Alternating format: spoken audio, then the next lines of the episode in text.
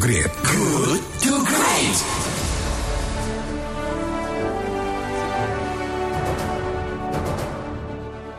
Masih bersama kami di diskusi Go to Great pagi ini dari 107,1 Kelight FM dan kita masih berada di topik pagi ini tentang bagaimana menjaga konsumsi belanja masyarakat agar tidak melemah. Sudah terhubung di ujung telepon dengan narasumber kita yaitu Dr. Peter Abdullah Rejalam. Beliau adalah Direktur Riset Core atau Center of Reform on Economics Indonesia.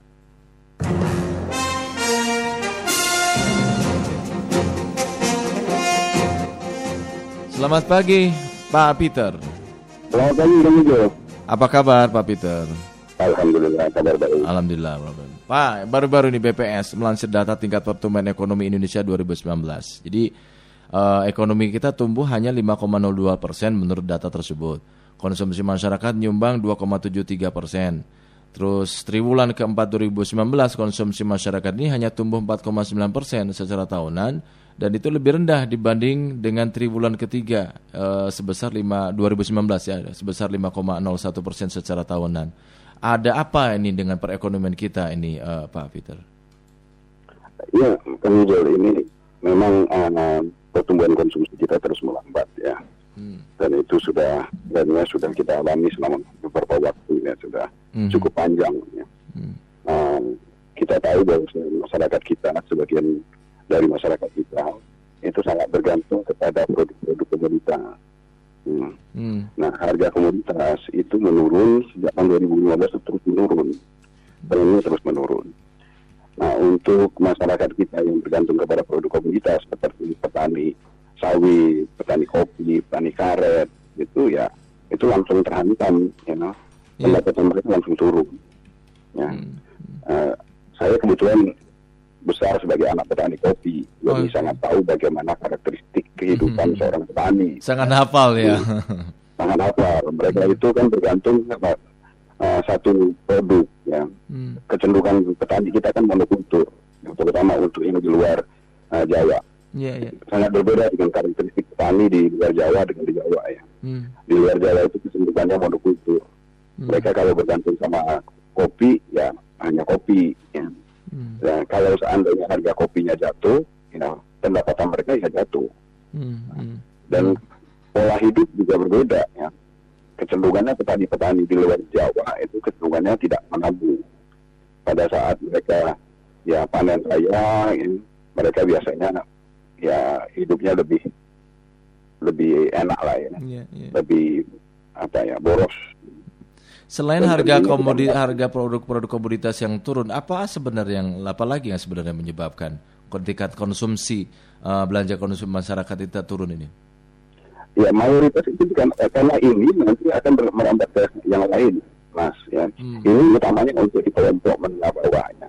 Ya. ya. di kelompok atas ya tentunya kita tidak bicara tentang penurunan income. Ya. Hmm. Karena kalau di kelompok atas itu ya terlepas dari naik turunnya harga komoditas, ya, income mereka relatif tetap. Hmm. Ya. Jadi memang uh, harus kita beda antara uh, kelompok menengah bawah dengan kelompok atas ya yang hmm. uh, kaya. Ya. Hmm. Nah, kelompok kaya ini kecenderungannya adalah sekarang ini bukan dikarenakan income, bukan karena daya beli, tapi mereka menahan konsumsi. Hmm. Nah, menahan konsumsi kalau kita lihat datanya itu adalah uh, sejak kita pemerintah melakukan melaksanakan yang disebut tax amnesty, yeah. kalau saya lihat itu tren konsumsi kita terus terus turun. Hmm. Ya. Nah, ini kuat dugaannya adalah ini adalah permasalahan perpajakan. Hmm. Ya. Hmm di kelompok atas itu sensitif dengan isu pajak. Hmm.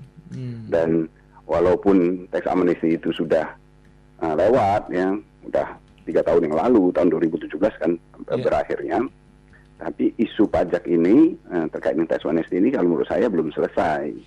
Karena sesuai ketentuan di teks amnesti, sebenarnya mereka yang tidak ikut teks amnesti atau ikut teks amnesti tetapi tidak me, uh, disclosure atau tidak mengungkapkan informasi yang benar itu terancam sanksi pajak yang sangat besar. Hmm. Nah kalau menurut saya ini masih menggantung karena kalau kita lihat data uh, realisasi teks amnesti itu kita bisa menduga bahwasanya sangat banyak masyarakat kita uh, orang-orang kaya kita yang tidak ikut teks amnesti atau tidak mengungkapkan secara penuh informasi terkait dengan kekayaannya. Hmm, artinya mereka Jadi, menahan konsumsi itu karena tak, salah satunya mungkin takut ketahuan gitu ya. Ya, ya dugaan sayanya seperti itu ya. Tapi kalau datanya seperti itu ya, hmm, hmm, hmm. dan ini dampaknya ya kalau untuk yang menengah atas ini kita bisa lihat sejak eh, lima tahun belakangan ini ya industri properti ya khususnya untuk rumah mewah itu turun drastis ya. Hmm. hmm. Kemudian uh, untuk uh, kendaraan bermotor juga lima tahun belakangan ini turun terus ya. Hmm. Nah, sekarang ini keluhan yang luar biasa bagi pengembang properti dan pengusaha otomotif karena memang turun terus. Nah, selama persoalan teks ini perpajakan ini tidak tuntas ya, saya kira uh, kelompok atas masih akan menahan konsumsinya. Hmm. Yeah. Sementara kalau di kelompok bawah tadi saya melanjutkan yang tadi, hmm. selain mereka dihantam oleh penurunan income, mereka uh, seibaratnya udah jatuh tertimpa tangga lagi nih. Mm-hmm. Nah, pemerintah uh, kita tahu kan dalam rangka untuk mengamankan APBN banyak mengeluarkan kebijakan-kebijakan yang tanda kutip menggerus daya beli yeah. ya dengan meningkatkan iuran BPJS mm-hmm. ya. Kemudian menaikkan cukai rokok ya. Yeah. Me, ya tarif tol setiap tahun memang naik uh, terus, ada ya. penyesuaian. Ya. Kemudian sekarang ada perubahan skema uh, subsidi gas, hmm. kenaikan uh, dol uh, solar, ya. Hmm. Nah, dengan catatan untuk rokok aja misalnya, rokok itu sepertinya uh, memang dalam perhitungan inflasi, rokok itu tidak menjadi uh, tidak ada second round effect yang besar, ya. Gitu ya. Tapi kalau kita lihat di dalam beban masyarakat ya kenaikan rokok, cukai rokok yang 20 persenan itu ternyata menyebabkan kenaikan harga rokok itu sangat tinggi uh, saya dapat informasi teman yang merokok, saya kebetulan nggak merokok yang hmm. uh, teman yang merokok itu kan harganya itu naiknya tuh sih uh, harganya itu bisa 70 persen. Sekarang ini harga rokok Marlboro itu sekitar di atas di atas 40 ribu kan ya. Hmm. Hmm. Nah itu ternyata menyebabkan ya kenaikan yang lain. Tukang guru bangunan misalnya sekarang udah nggak mau lagi dia dikasih di uh, ininya uang rokoknya 50 ribu. Yeah, yeah. Ya dia minta lebih.